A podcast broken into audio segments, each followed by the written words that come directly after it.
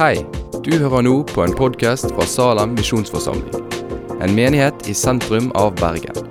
Vil du vite mer om oss eller komme i kontakt med oss, gå inn på salem.no. Denne talen her er ikke ferdig tygd. Det vil si at eh, jeg kommer kanskje til å si noen ting som, som jeg ikke fullfører helt tankerekka, som dere sjøl må jobbe litt med. Men det er litt av poenget, fordi i dag så starter vi en ny taleserie om gudsbildet. Om det å kjenne Gud, den guden som Bibelen beskriver for oss.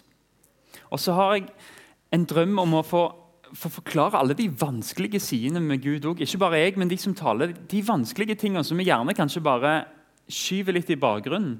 Men å se at sjøl de tingene forteller oss noe utrolig viktig om oss og om troen vår. Og hva Gud vi har. Og så har jeg lyst til å ende opp der vi allerede har spilt opp med helt senere i taleserien senere i høst, og fortelle hvordan speiler vi dette igjen i vårt bilde. Vi er skapt i Guds bilde. Hvordan skal vi være? Um, Gud sier 'jeg er Gud, jeg er ikke et menneske' i Bibelen. Og Det er det den taleserien handler om. Å kjenne Gud. Ikke sette begrensninger på han og prøve å beskrive han som et menneske med menneskelige ord. men men å prøve å kjenne hvem er Gud. Og Det er en nødvendig serie, taleserie, sånn jeg ser det. For det er mange mennesker som sier at de tror på Gud, men de greier ikke å sette ord på hva Gud egentlig tror på. Hva forskjell er det å tro på denne guden? Og Til og med en del kristne mangler kunnskap om flere av Guds karakterer og egenskaper. Hva vil det si at Gud er nidskjær? Hva vil det si at han er hellig? Og den kristne debatten i media så ser jeg spor at store deler av gudsbildet som vi finner i Bibelen, det er mista på veien. Som gjør at det blir tatt feil konklusjoner av hvordan vi skal leve livet vårt. Og Det kan være flere grunner til det, for, for vi lever i en tid der, der menneskelig fornuft og følelser de blåses opp til å være sannheter. Det jeg kjenner, det er sant. Folk følger menneskelige gjetninger og følelser for hvordan Gud er, i stedet for å søke Guds ord. Og Problemet da er at tankegangen er at Gud skal være forståelig. Det som vi ikke forstår, og det vi ikke kan begripe, det bare ser vi bort ifra fordi vi liker det ikke. Og vi gjør Gud til en størrelse som vi kan putte på baklommen. Det som skjer da er at Gud ikke får være Gud, men vi tar på oss den rollen og definerer hva han skal være. Og så er det vi som står over han. En annen grunn til at gudsbildet vekker, er at eh, vi blander religioner. Vi tenker at alle religioner er like sanne. De drar inn tanker om Gud fra mange plasser, men litt fra Bibelen, litt fra hinduisme, litt fra buddhisme, litt fra islam, litt fra New Age og litt fra moderne tankegang.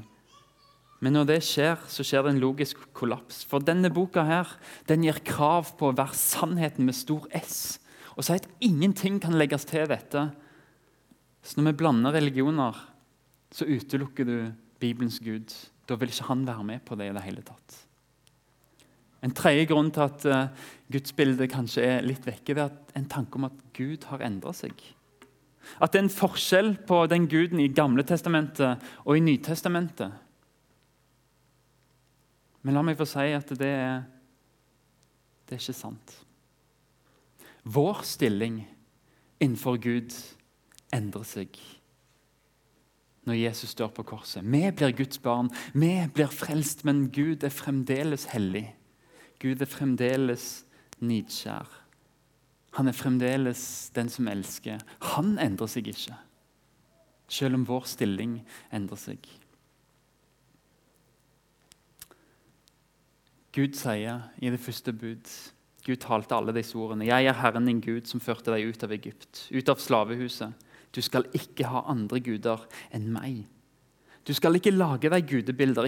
Ingen etterligning av noe som er oppe i himmelen eller nede på jorden eller i vannet under jorden. Du skal ikke tilbe dem og ikke la deg lokke til å dyrke dem. For jeg, Herren din Gud, er en nidkjær Gud som straffer barn i tredje og fjerde ledd for fedrenes synd når de hater meg, men viser trofast kjærlighet i tusen slektsledd mot dem som elsker meg og holder mine bud. Hva tenker du på når du hører det ordet avgudsdyrkelse? Mennesker som tilber en totempel eller en stein, det er avgudsdyrkelse. Men Men det kan òg foregå på andre måter. Å dyrke en avgud. For det budet vi nettopp leste, det er for, det er ikke et forbud mot bare å lage gudebilder sånn fysisk, men òg å lage intellektuelle forestillinger og fornuftsredigerte bilder av hvem Gud er. Og gjør seg opp et bilde av Gud i hodene våre som ikke stemmer overens med måten han har åpenbart seg på. Det kan være et like grovt brudd på det budet som å tilbe en stein. Det hender ofte at jeg hører jeg tenker på Gud som en arkitekt. Eller som en klokkemaker som har trukket seg tilbake etter han skapte verden. Eller jeg ligger ikke tanken på at Gud dømmer. For meg så er han bare som en far. Og Disse sitatene de kommer veldig ofte rett før en fornektelse av et veldig vanskelig avsnitt i Bibelen som kanskje spesielt er etisk viktig. Fordi vi ikke forstår hvorfor Gud kan være sånn i 2018. Det en gjør, det er å godta en liten sannhet om Gud og så fornekte det vi ikke forstår. Og Den som føler seg fri til å definere Gud på den måten, til å si at nei, det kan ikke være Gud, den bryter dette budet. Gud gir oss ikke rom for et annet bilde enn sånn han åpenbarer seg i Bibelen. Det er den han er. Og Det er for meg frigjørende, for jeg skal slippe å tenke at jeg har en liten Gud som jeg kan forstå, og som jeg til enhver tid kan forklare. Gud er større enn min fatteevne. Den guden jeg tror på, og som jeg finner i Bibelen, det er universets skaper. Han er allesteds nærværende. Han er altvitende. Han er ubeskrivelig. Og det er den guden jeg vil ha.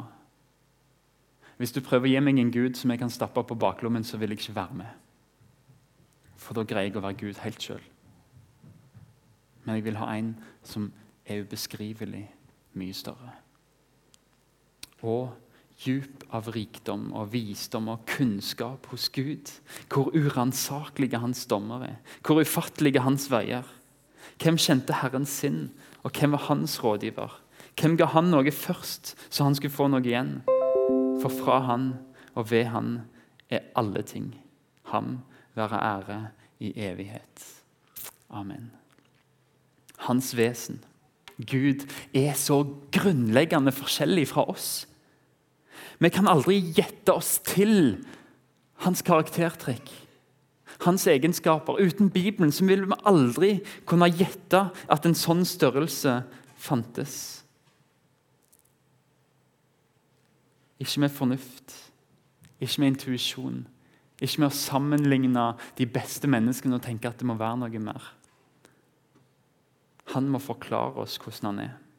Vi kan rett og slett ikke kjenne Gud hvis ikke vi La Han åpenbare seg for oss. Uten Bibelen så ville vi hatt en liten Gud. En skapergud, ja. En som kanskje har skapt, men ikke så mye mer, hadde vi visst. Men i Bibelen så vet vi så mye mer.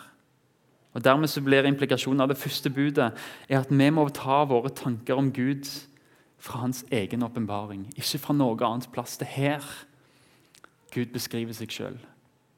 Dette vi som har som utgangspunkt. Og Denne taleserien vil vi prøve å ta sikte på at, at Gud får beskrive seg sjøl. Si hvem han er, og forklare for oss. Og Mange av de tingene som Bibelen sier om Gud, de er kjempevanskelig å forholde seg til. Men det betyr bare at vi har ikke funnet det opp av oss sjøl. Hvis vi skulle funnet på en religion, så ville vi aldri sagt at Gud er vred. Vi ville hatt en Gud som bare var snill. Ingen vil finne på sånne karaktertrekk som er vanskelig å forklare. Vi ville prøvd å beskrive Gud etter våre egne ønsker, men vi vil prøve denne høsten og se hva det Bibelen sier. Hva sier Gud om seg sjøl? Vi skal ikke bortforklare det vi ikke liker, men vi skal prøve å finne evangeliet. Prøve å finne det gode budskapet i alle de vanskelige tinga. Og se hva det betyr for oss. Vi har et mål for taleserien om å lede menigheten inn i kjennskap til Gud sånn han åpenbarer seg i Bibelen. Og la menigheten få se evangeliet i alle hans karaktertrekk.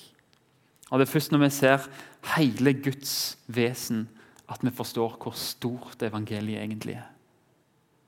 Og så ønsker vi å hjelpe menigheten til å leve i respons til Guds storhet. Så langt så har jeg snakka litt om, om, hva vi ønsker å gjøre i denne taleserien. Og Jeg vil invitere dere til å være med. Ta Les Bibelen. Grunn på, grunn på det dere leser om Gud.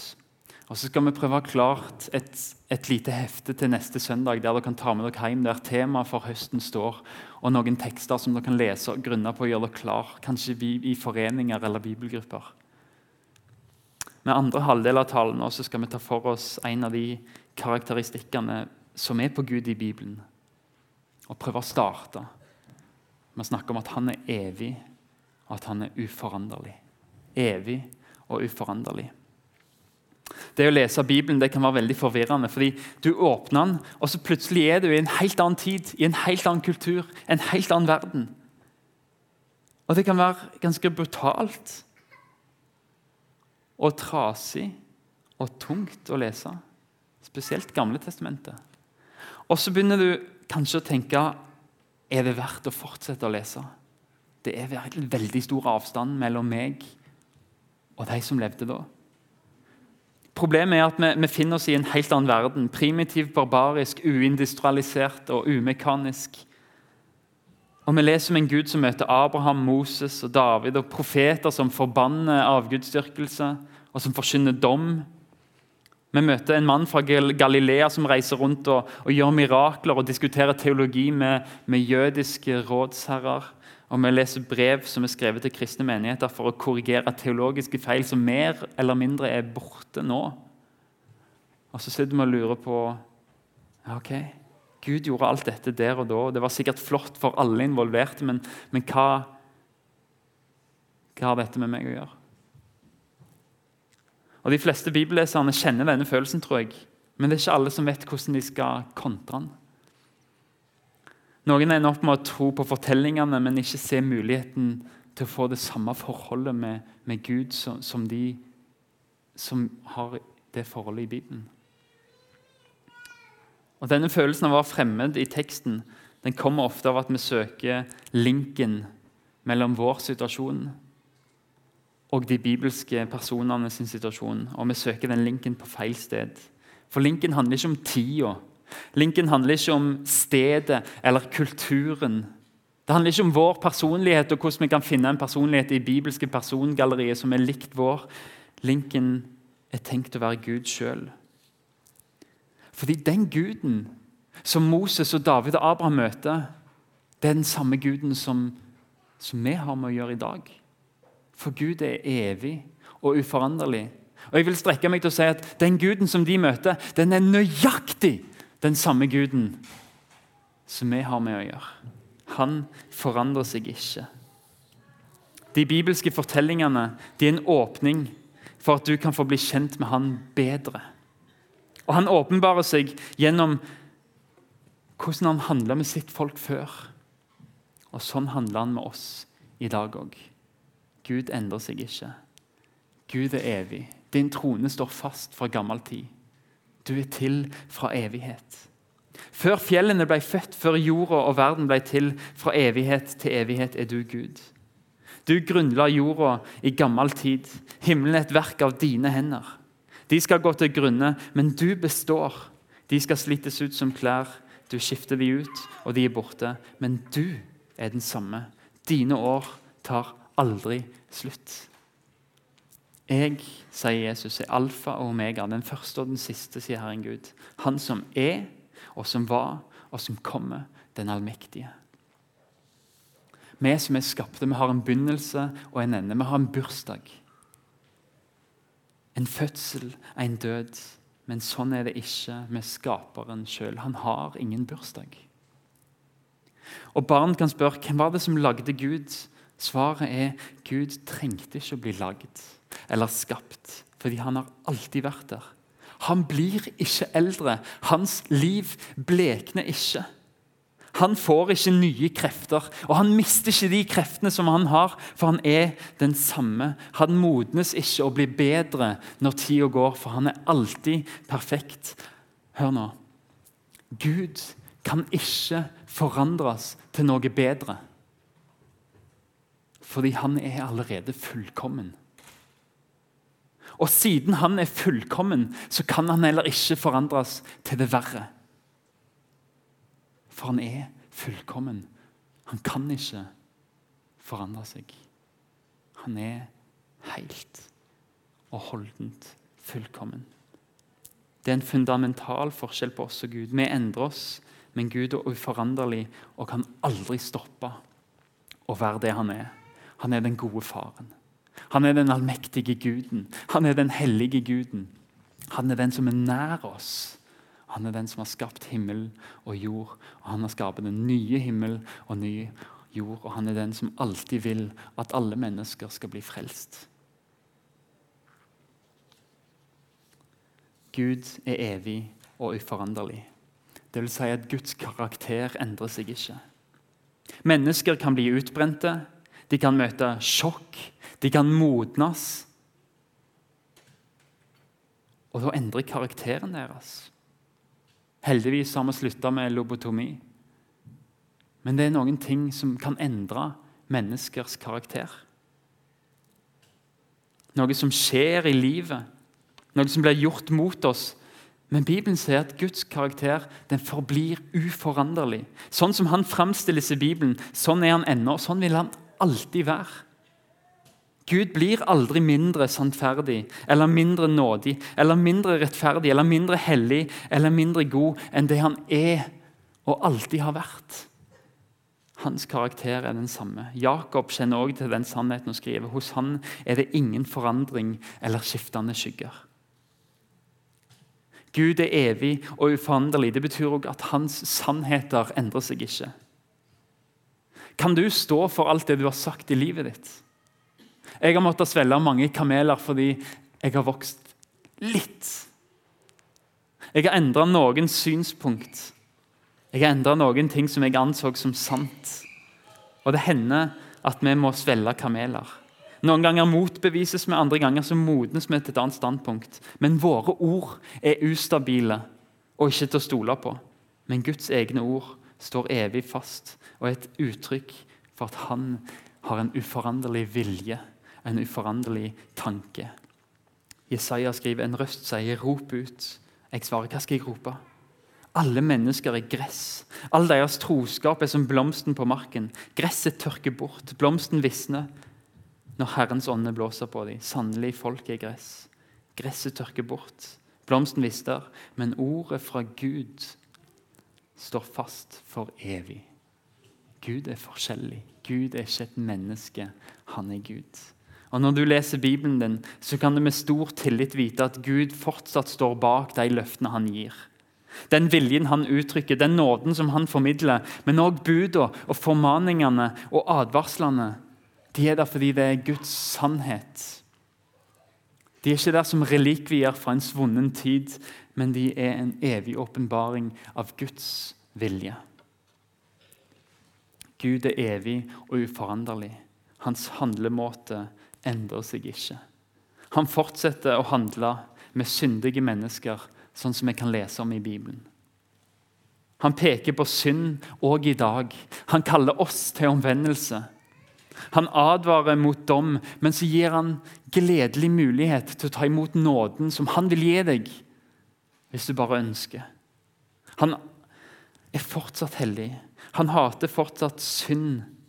Og han bruker både ytre og indre veiledninger gjennom motstand, sorger og lidelse for å bøye sitt folk til lydighet og til avhengighet mot han.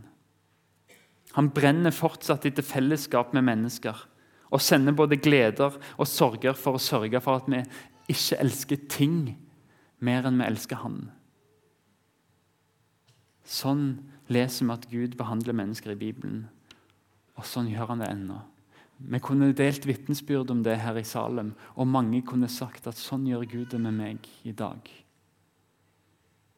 Hans mål er alltid å elske oss. Og han elsker oss, koste hva det koste vil. For han kosta det Jesus sønn. Og for oss koster det kanskje at han leder oss gjennom motstand og lidelse for at vi skal se at han er den gode som vil oss det beste. Herrens råd står fast for alltid. Hans hjertes planer fra slekt til slekt. Hebreerne 6 så står det litt om dette. Da Gud ga Abraham løftet, sverget han ved seg selv, for han hadde ingen større å sverge med. Han sa sannelig, 'Jeg vil velsigne deg rikt og gjøre din ett uendelig tallrik.'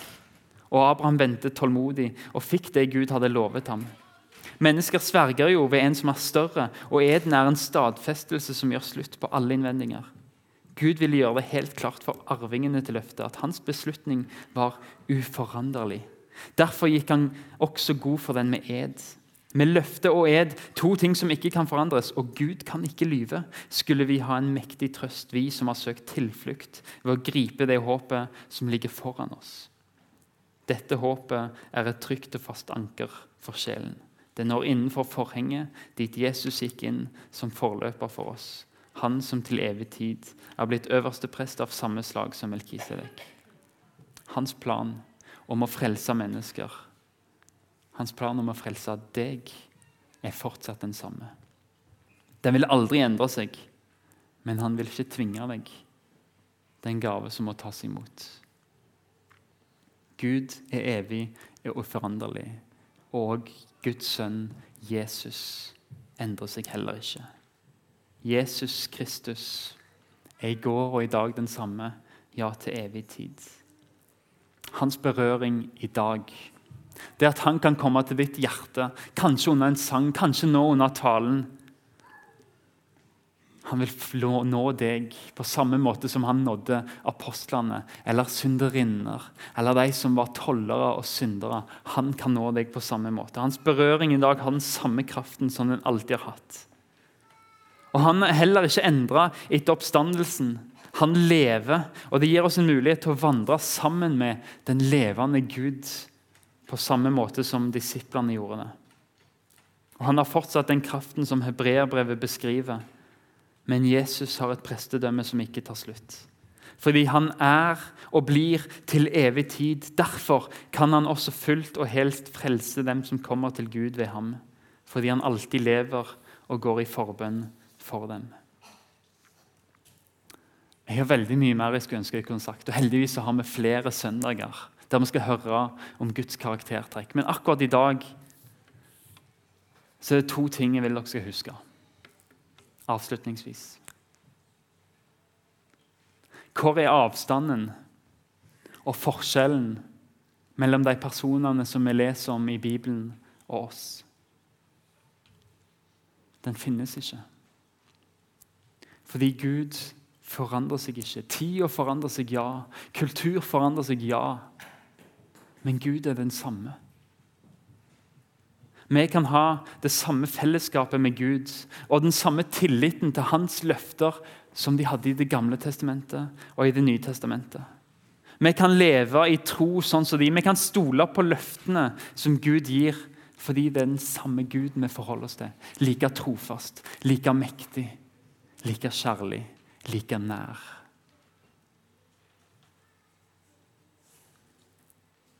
Denne tanken kan være en trøst når vi dag etter dag går inn i forvirrende situasjoner og usikkerhet. Ny by, ny jobb, nytt studie, nye relasjoner.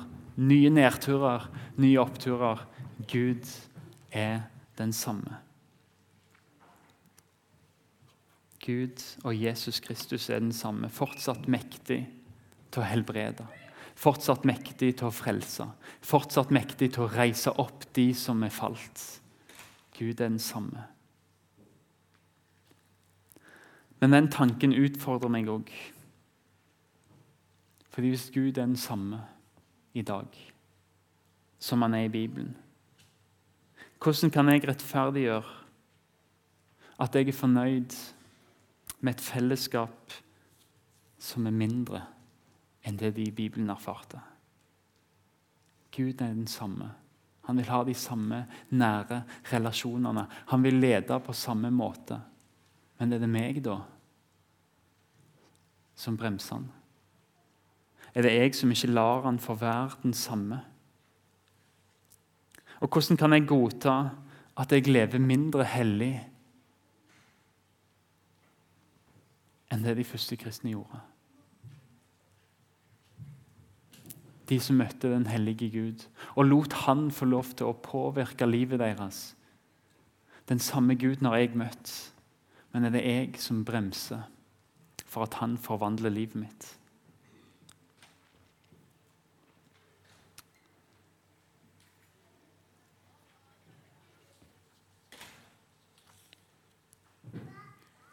Jesus er den samme.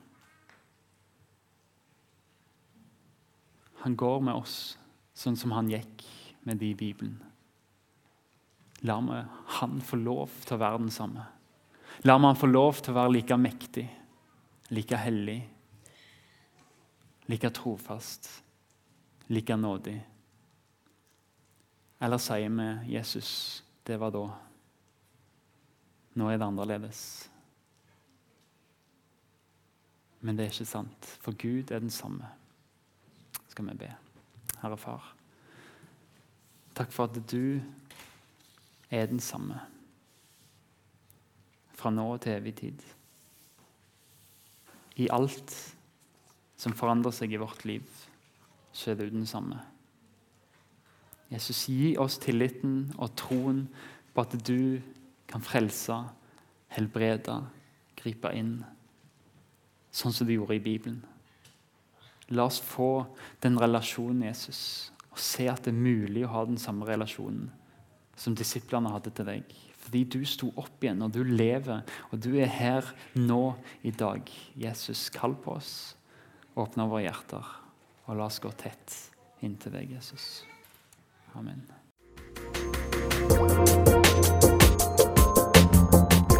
Takk for at du har hørt på podkasten fra Salem, Bergen. I Salem vil vi vokse i et stadig dypere fellesskap med Gud og med hverandre. Vi vil være Jesu hender og føtter, og vi vil være med og forkynne frelse for Bergen og resten av verden. Besøk oss gjerne på salem.no om du vil vite mer.